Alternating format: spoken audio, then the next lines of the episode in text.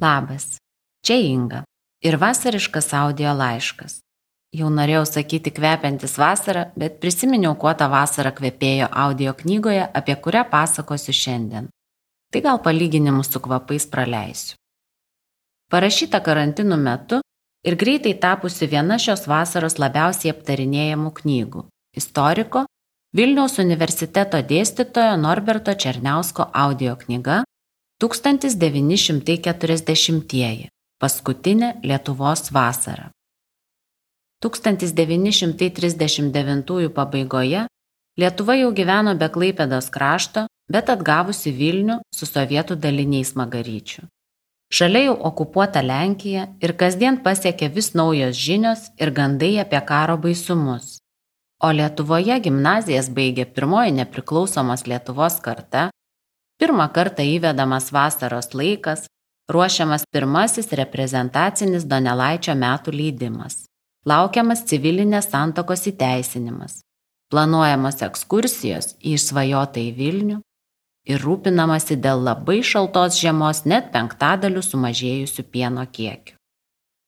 Ši mane ir ne tik mane įtraukusi audio knyga ne apie didžiuosius geopolitinius sprendimus ir vienas skaudžiausių Lietuvos istorijos įvykių. Autorius remdamasis archyviniais dokumentais, amžininkų atsiminimais, dienoraščiais ir laiškais atkuria 40-ųjų metų pradžios ir pirmųjų dviejų birželio savaičių realijas bei atmosferą, kurioje gyveno Lietuvos žmonės. Pasak autoriaus, labai norėjau, kad pasakojame dėrėtų mikroskopas ir teleskopas.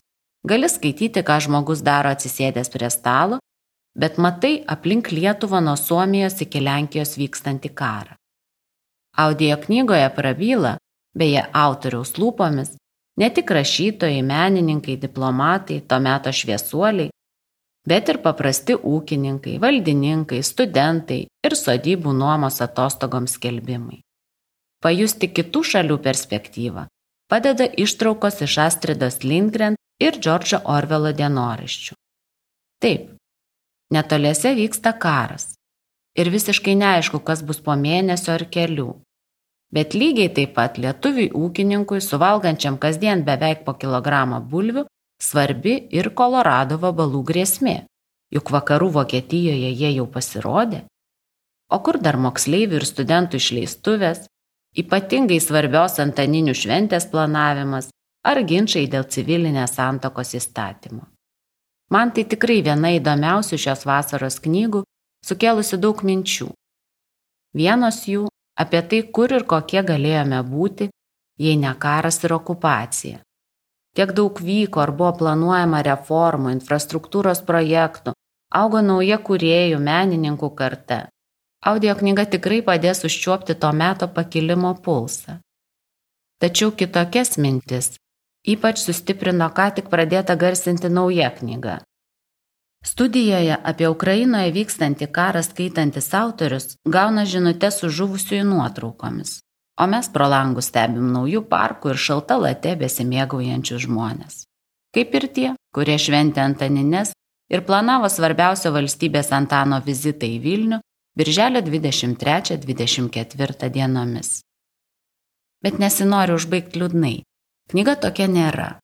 Dažnai šipsojausi ir skaitydama tekstą ir klausydama autoriaus skaitimo studijoje. Audio knyga turėtų patikti ne tik mėgstantiems istorinės knygas, bet ir tiems, kurie tokių vengdavo. Kaip sakė mano kolegė, nemaniau, kad galima taip parašyti istorinę knygą. Siūlau išbandyti nemokamą ištrauką ir įsitikinti patiems, bet neišsigaskit. Prasideda ji nuo labai šaltos 40-ųjų žiemos kai anot ministro pirmininko Antano Merkio artimiausioje ateityje geresnių laikų niekas nelaukia. O istorikas Adolfas Šapoka, beeidamas į centrinį miškų departamento sandėlį prašyti malkų, nušalo ausis. Audio knyga 1940-ieji - paskutinė Lietuvos vasara. Skaito autorius Norbertas Černiauskas Knygos trukmė beveik 6 valandos. Nemokama ištrauka 42 minutės apie žiemą ir vasaros pradžią. Audio knygą kaip visada rasi audioteka.lt svetainėje. Su kodu naujiena iki rūpiučio pirmos sekmadienio ją įsigysi su nuolaida. Įdomaus klausimo vasarojant su audio knyga. Beje, kitą savaitę jau Aurimas turės ko pradžiuginti laukiančius naujų saviugdos audio knygų. Iki.